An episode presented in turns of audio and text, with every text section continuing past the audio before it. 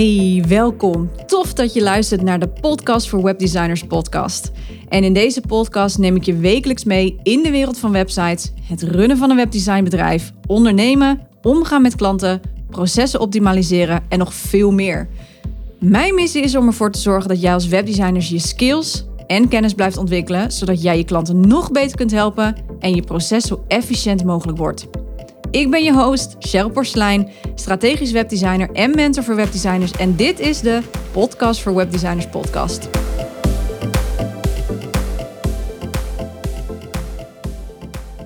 Hey, welkom bij deze aflevering. En vandaag wil ik het met je hebben over een verdienmodel voor webdesigners. En uiteraard is dit altijd vanuit advies, vanuit een eigen ervaring.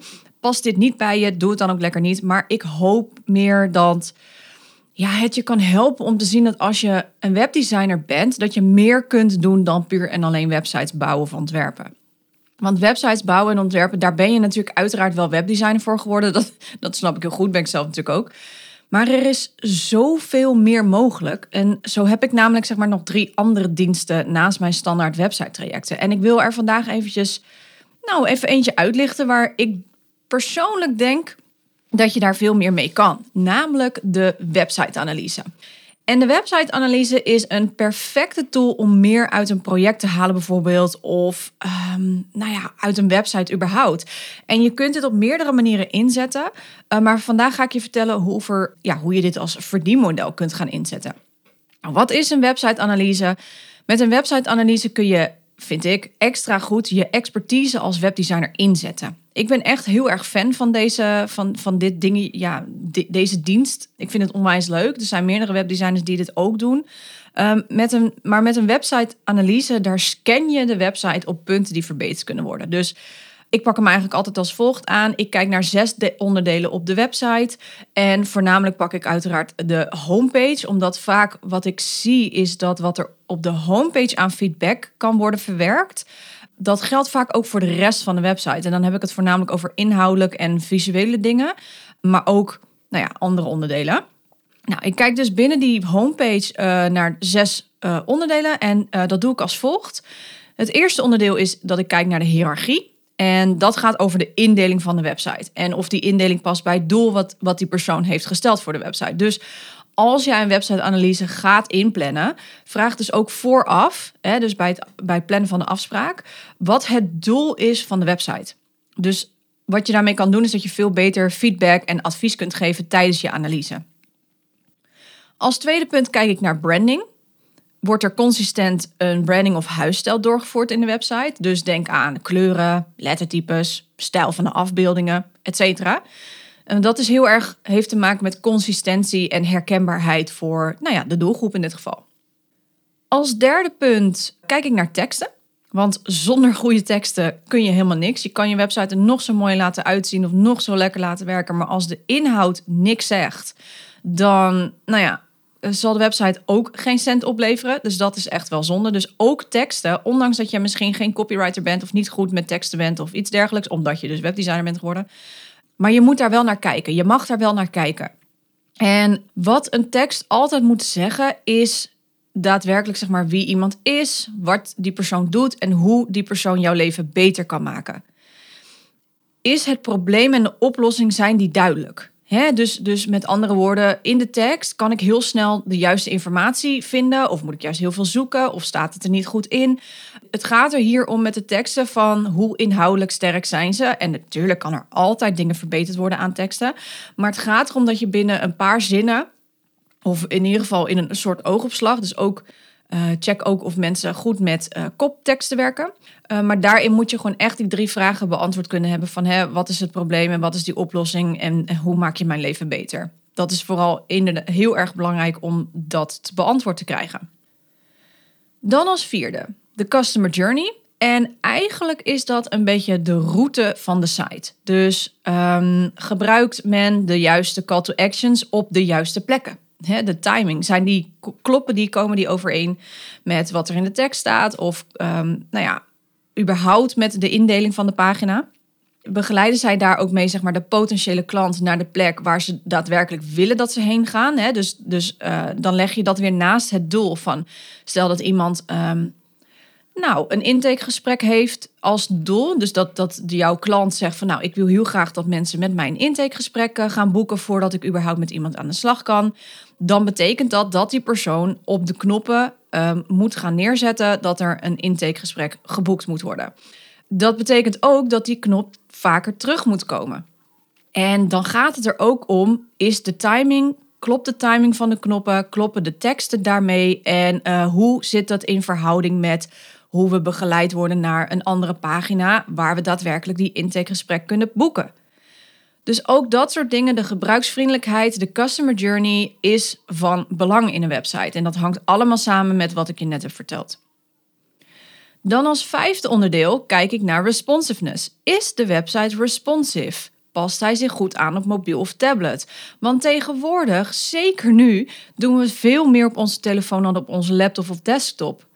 Dus ook op mobiel moet de website goed werken en logisch ingedeeld zijn. Want het kan zo zijn dat er bepaalde onderdelen op mobiel moeten worden verplaatst om de optimale, gebruiks, optimale gebruiksvriendelijkheid te kunnen waarborgen. Zeg maar. Dus zijn er dingen die juist weg moeten? Zijn er dingen die ergens anders moeten staan? Uh, zijn er onderdelen die misschien niet van toepassing zijn, juist op mobiel? Noem het allemaal maar op. Dus, en ik zeg dit ondanks dat we nu heel erg in een natuurlijk mobiele tijdperk leven, om het zo maar even te noemen, zal het je nog verbazen hoeveel websites op mobiel of niet gebruiksvriendelijk zijn of nog steeds zich niet aanpassen. En dan denk ik, ja, anno 2023, dat moet toch anders? Dus ook voor jou, voor jouw klant, als je een website-analyse gaat doen, check altijd of die op jouw telefoon ook er net zo goed uitziet als op de desktop. Dan als laatste, als vijfde of zesde punt, sorry, kijk ik naar de SEO. En ook al ben ik geen SEO-specialist, als webdesigner vind ik het wel heel erg belangrijk dat je ergens een basiskennis moet hebben. Nou, ik kijk dus of de website geoptimaliseerd is voor zoekmachines. Gebruiken ze de juiste zoekwoorden? En eigenlijk doe ik dat gewoon simpelweg door of de naam van het bedrijf of de naam van de klant gewoon te googlen. En dan kijk ik wat er boven komt. En dan kan ik daarmee vergelijken van... hé, hey, uh, wat komt erin te staan? Staan er zoekwoorden in? Worden er woorden dik gedrukt die voor mijn um, zoekwoorden worden, zeg maar... Hoe zeg je dat? Um, dat die naar boven komen. Dat die matchen met de zoekwoorden die ik heb ingetypt. Dan laat Google zeg maar met dik gedrukte woorden zien... of die woorden inderdaad overeenkomen binnen die website. Je kunt kijken naar of ze de juiste koppen daarin goed gebruiken. En ook niet geheel onbelangrijk, is de website snel genoeg? Dat heeft ook alles te maken met zoekbaarheid of zoekvriendelijkheid in uh, Google-machines of in andere zoekmachines. Ik voeg ook altijd bij de website-analyse een snelheidscheck in. En dat doe ik door, ik werk samen met een hostingpartij waar ik heel erg al jaren heel fijn mee samenwerk. Hij heeft de betaalde versie van een uh, snelheidsmeter die dus binnen Nederland dat kan uh, opmeten. Ik geef hem de URL en hij draait voor mij een automatisch rapport uit. En dan kan ik aangeven van joh, hier uh, gaat je website te langzaam. Of hier zijn er dingen die verbeterd kunnen worden. Want ook een snelle website heeft heel veel invloed op waar in de Google de resultaten die staat. Nou is dit natuurlijk maar een heel klein deel, maar snelle websites krijgen wel voorrang. Nou, en daarnaast kijk ik ook nog of mensen alt tags gebruiken binnen de website. Dus voor hun afbeeldingen. En ja, hoe kijk ik ook even of de SSL-certificaat geldig is. Want dat is ook een hele belangrijke. Want als die dat namelijk niet is, en de meeste hostingen doen dat nu wel aardig goed. Maar nog steeds is het heel erg belangrijk dat die SSL-certificaat enorm goed is. Want Google die is bezig met alle websites die niet goed beveiligd zijn, dus die niet een goede SSL-certificaat hebben of waar, waar iets in zit wat niet lekker loopt, die halen ze van Google af. Dus die, die worden dan zeg maar geblokkeerd door de zoekmachine. Nou, dat kan natuurlijk enorm veel invloed hebben op de vindbaarheid binnen een zoekmachine. En of het nou om Google gaat, Yahoo of Pinterest of whatever. Als een website niet bereikbaar is, dan, nou ja, dan zal dat natuurlijk enorm veel negatief invloed hebben op de zoekbaar vindbaarheid uh, van een website. En nou ja, dat betekent eigenlijk gewoon dat hij, omdat hij geblokkeerd wordt, dat hij nooit meer in de, zoek, in de zoekafresultaten terechtkomt. Dus dat zou natuurlijk onwijs zonde zijn, terwijl het heel simpel is op te lossen door een goede SSL-certificaat in te stellen. Nou, al deze punten, die zes die ik net heb opgenoemd, daar, dat verzamel ik in een document en ik maak daar een mooi digitaal rapport van. En ik doe dus ook dat, die rauwe uh, snelheidscheck, doe ik daarin, dat snelheidsrapport zet ik daar ook in. En dan verwijs ik dan naar, uh, als ik het daarover heb in mijn onderdeel over SEO. Nou, daarnaast plan ik ook altijd nog een één op één call via Zoom. En dan bespreek ik die punten die ik verzameld heb in dat digitale rapport. En ik leg dus nog wat extra uit met wat ik bijvoorbeeld bedoel of beantwoord ik vragen die er zijn. He, want heel vaak dan zeg ik bijvoorbeeld iets van: hey, ik zie dat je dit en dit hebt gedaan. Klopt dit? Want anders moet ik natuurlijk mijn antwoorden in mijn analyse iets aanpassen. Dus het is ook heel erg prettig om te checken van: hey, heb je dit expres gedaan of is dit per ongeluk of ben je daar nog niet aan toegekomen? Want ja, het is gewoon wel prettig om die feedback ook vanuit je klant zeg maar te krijgen. Nou, ik neem die call op. En eigenlijk wat ik doe is na de call stuur ik de recording en het rapport toe, zodat ze altijd naslagwerk hebben als ze bijvoorbeeld zelf met de punten aan de slag gaan. Of wat ik heel vaak heb is dat zij een eigen webdesigner in dienst hebben, of moet zomaar te noemen, of een VA of iets in die richting. En dat ze dat doorgeven aan de VA om dat voor hun te laten uitbesteden. Nou, dit is een dienst van mij. Ik, ik gebruik de website-analyse eigenlijk al nou, sinds 2018. Ik vind, het echt, ik vind het ook echt heel gaaf om te doen. Ik heb toen in 2018 heb ik dit voor het eerst gedaan. En uh, helaas was ik wegens tijdgebrek een tijdje mee gestopt. In 2020 heb ik het weer vol opgestart. Omdat ik toch wel echt merkte van ja, ik vind het toch wel heel erg leuk om te doen. En in de tussentijd heb ik dus al 40, misschien wel meer analyses gedaan. En ja, het is gewoon heel erg tof om te doen. Want tuurlijk, het is eventjes werk. En daarom heb ik het ook als een verdienmodel. Dus als een betaalde dienst. Uh, omdat er echt wel veel werk in gaat zitten. Want ik pluis echt die website uit. Maar je haalt er zelf ook onwijs veel uit. Je leert zelf ook weer heel veel. Tenminste, dat heb ik nog steeds van die analyses. Dus niet alleen website-wise, maar je komt ook in aanraking met de mensen achter het bedrijf. En dat is wat, ja, waar je weer in aanraking gaat komen, zeg maar, met je ideale klant. Of niet juist met je ideale klant. En dat kan ook. Dus door dit soort laagdrempelige, eh, simpele diensten aan te kunnen bieden, kom je dus ook met mensen in contact die misschien wel op een later tijdstip van jou een ideale klant kunnen zijn. Of die misschien helemaal nooit een ideale klant kunnen zijn.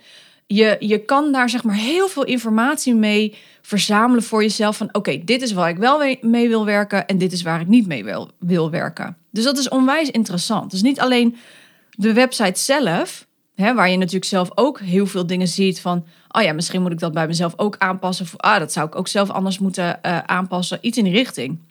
Dus het is heel interessant om dit ook als een soort ja, research marketing tool in te zetten. Daarom zei ik ook, de website-analyse kan op veel verschillende manieren worden ingezet. En nou ja, je kunt hem dus inzetten als losse dienst. En daarbij kun je dus ook weer extra diensten aanbieden. dus wat ik bijvoorbeeld heb gedaan, is dat ik een toenertijd een dienst heb gemaakt. Dus een, een losse vervolg, een upsell om het zo maar even te noemen, waarin ik dus voor een x bedrag de punten ging uitvoeren die ik in de website-analyse zag. Dus stel dat iemand zegt van ja, ik wilde graag mijn e-maillijst opbouwen. Ja, en ik mis daar het e-maillijst uh, opbouw. Hè, dus de, de invulvelden in dit geval voor het e-maillijst. Ja, die, moet, die moeten wel natuurlijk op de website worden gezet. Dus ik was dan degene die voor hen, zeg maar, die hiërarchie dan ging aanpassen, zodat het logische gevolg werd van, um, nou, hier kun je je e-mailadres achterlaten en hier kun je je e-mailadres achterlaten. En dan daarin verplaatste ik dingen zodat het een logische opbouw heeft voor de hiërarchie die, waar, waar ik verbeteringen in zag. Nou, noem het allemaal maar op. Dus dat deed ik dan voor hun voor een x-bedrag, voor een vast, een fixed price. Ik zet de website-analyse ook wel eens in, wat misschien voor jou ook misschien heel interessant kan zijn, tijdens mijn website-trajecten. Dus de op maat trajecten, dus de grote website-trajecten die ik doe. Ik specialiseer mijzelf natuurlijk in herontwerp, dus ik bouw eigenlijk zeg maar geen website van nul af aan in de zin van de doelgroep starters. Daar zit ik niet in, omdat ik heel vaak merk dat de starters te veel nog ervaring moeten opdoen en dat ze nog niet goed duidelijk hebben voor wie ze er zijn en hoe ze iemands leven beter maken. En als je dat op een gegeven moment wel hebt, vind, eh, heb ik de afgelopen jaren gemerkt, ik vind dat een stuk fijner werken, omdat ik weet, deze persoon weet donders goed wie die voor zich heeft, wat deze persoon wil bereiken en hoe hij iemands leven beter maakt. Dus dat maakt het een stuk makkelijker en ook fijner om een website te bouwen of te ontwerpen. Ik zet hem dus eigenlijk een soort soms van in als aanbetaling. En wat er dan gebeurt is dat de website-analyse bijvoorbeeld wel los wordt aangevraagd. Dus vooraf hè, als een lage instapdienst. Maar daaruit blijkt dus uit die analyse dat het beter is om de website volledig te vernieuwen. Dat advies geef ik ook echt. Wees daar wel oprecht en eerlijk in. En niet omdat je flink geld wilt verdienen dat je iedereen aan een nieuwe website per se wilt verkopen. Want dat is niet de bedoeling. Dat wil ik wel even gezegd hebben. Ik zeg het ook echt alleen als het echt, echt nodig is. En als ik ook merk dat de klant daar zelf de initiatief in neemt. Dus er zitten, soms moet je even tussen de regels door luisteren, zeg maar.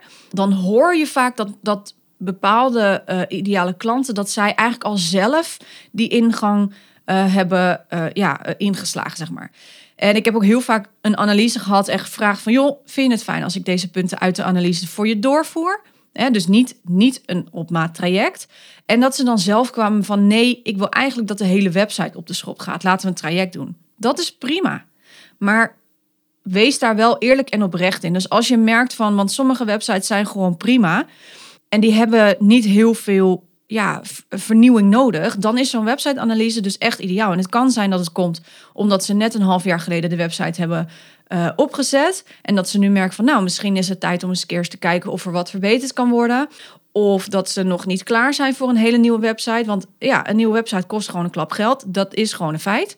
Dus dan zijn dit soort lage, lage instapdiensten zijn veel fijner. En ook kun je best al wel veel doen met een bestaande website. Dus het is niet zo dat per se een website helemaal veranderd moet worden.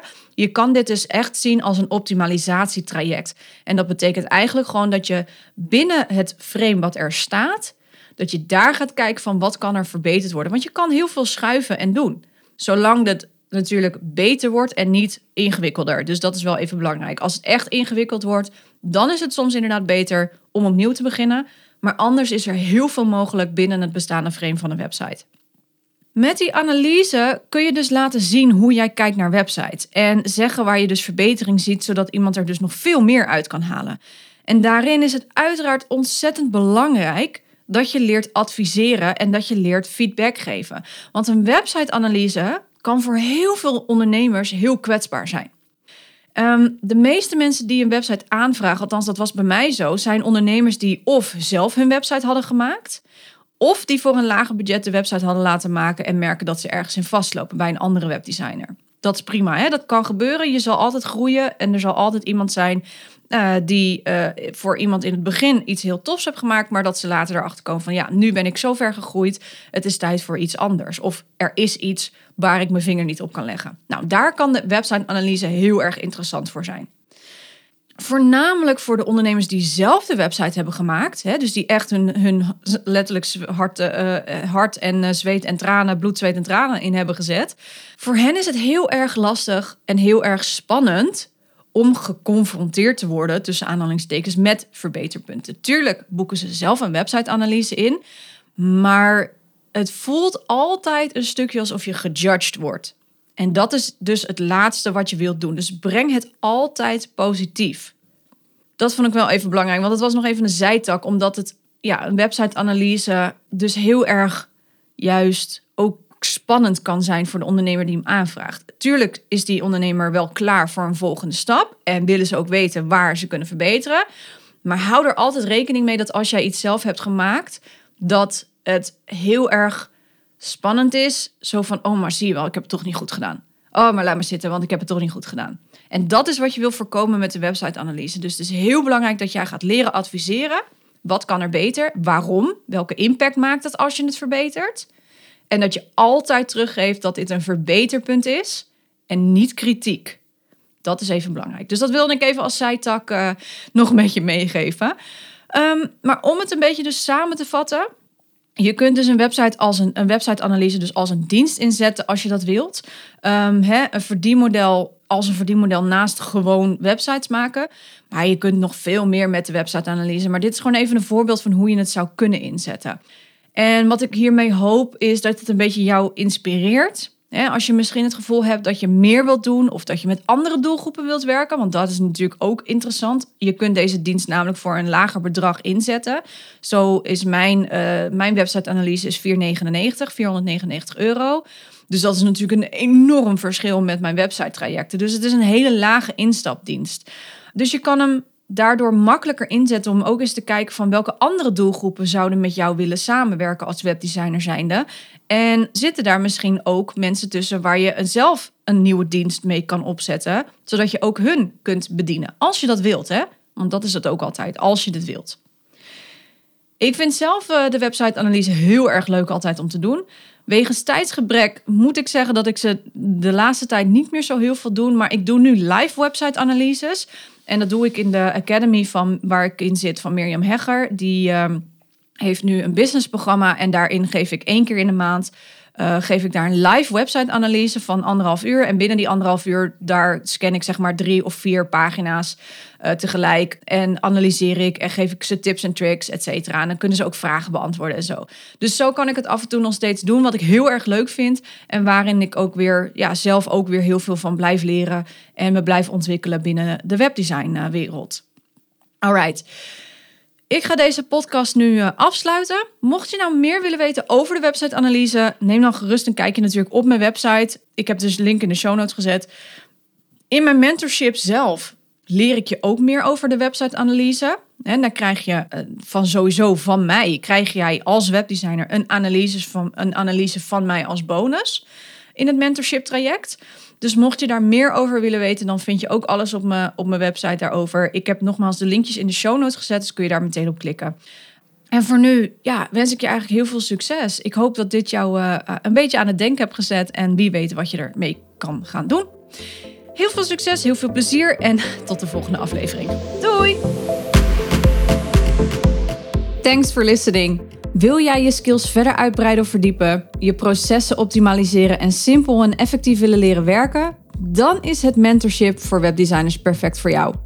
In dit zes maanden durende één op één traject krijg je een volledig kijkje bij mij in de keuken. Ik ga samen met jou diep op de materie in op de onderdelen waar jij op vastloopt. Denk aan proces, goed feedback leren ontvangen, hoe je bepaalde designkeuzes maakt op basis van die informatie die je ontvangt maar ook hoe jij je klanten nog beter kunt helpen met bijvoorbeeld het schrijven van goede teksten, hoe jij je adviesrol kunt inzetten en hoe je lange termijn trajecten kunt aangaan. Nou, dit allemaal doe ik op basis van mijn eigen webdesign procesformule die uit vijf fases bestaat en dat is research, design, build, launch en grow. Wil jij weten of dit traject perfect is voor jou? Let's talk about it. Plan direct een afspraak in via mijn digitale agenda op www.cprecision.nl/mentorship voor een vrijblijvend intakegesprek.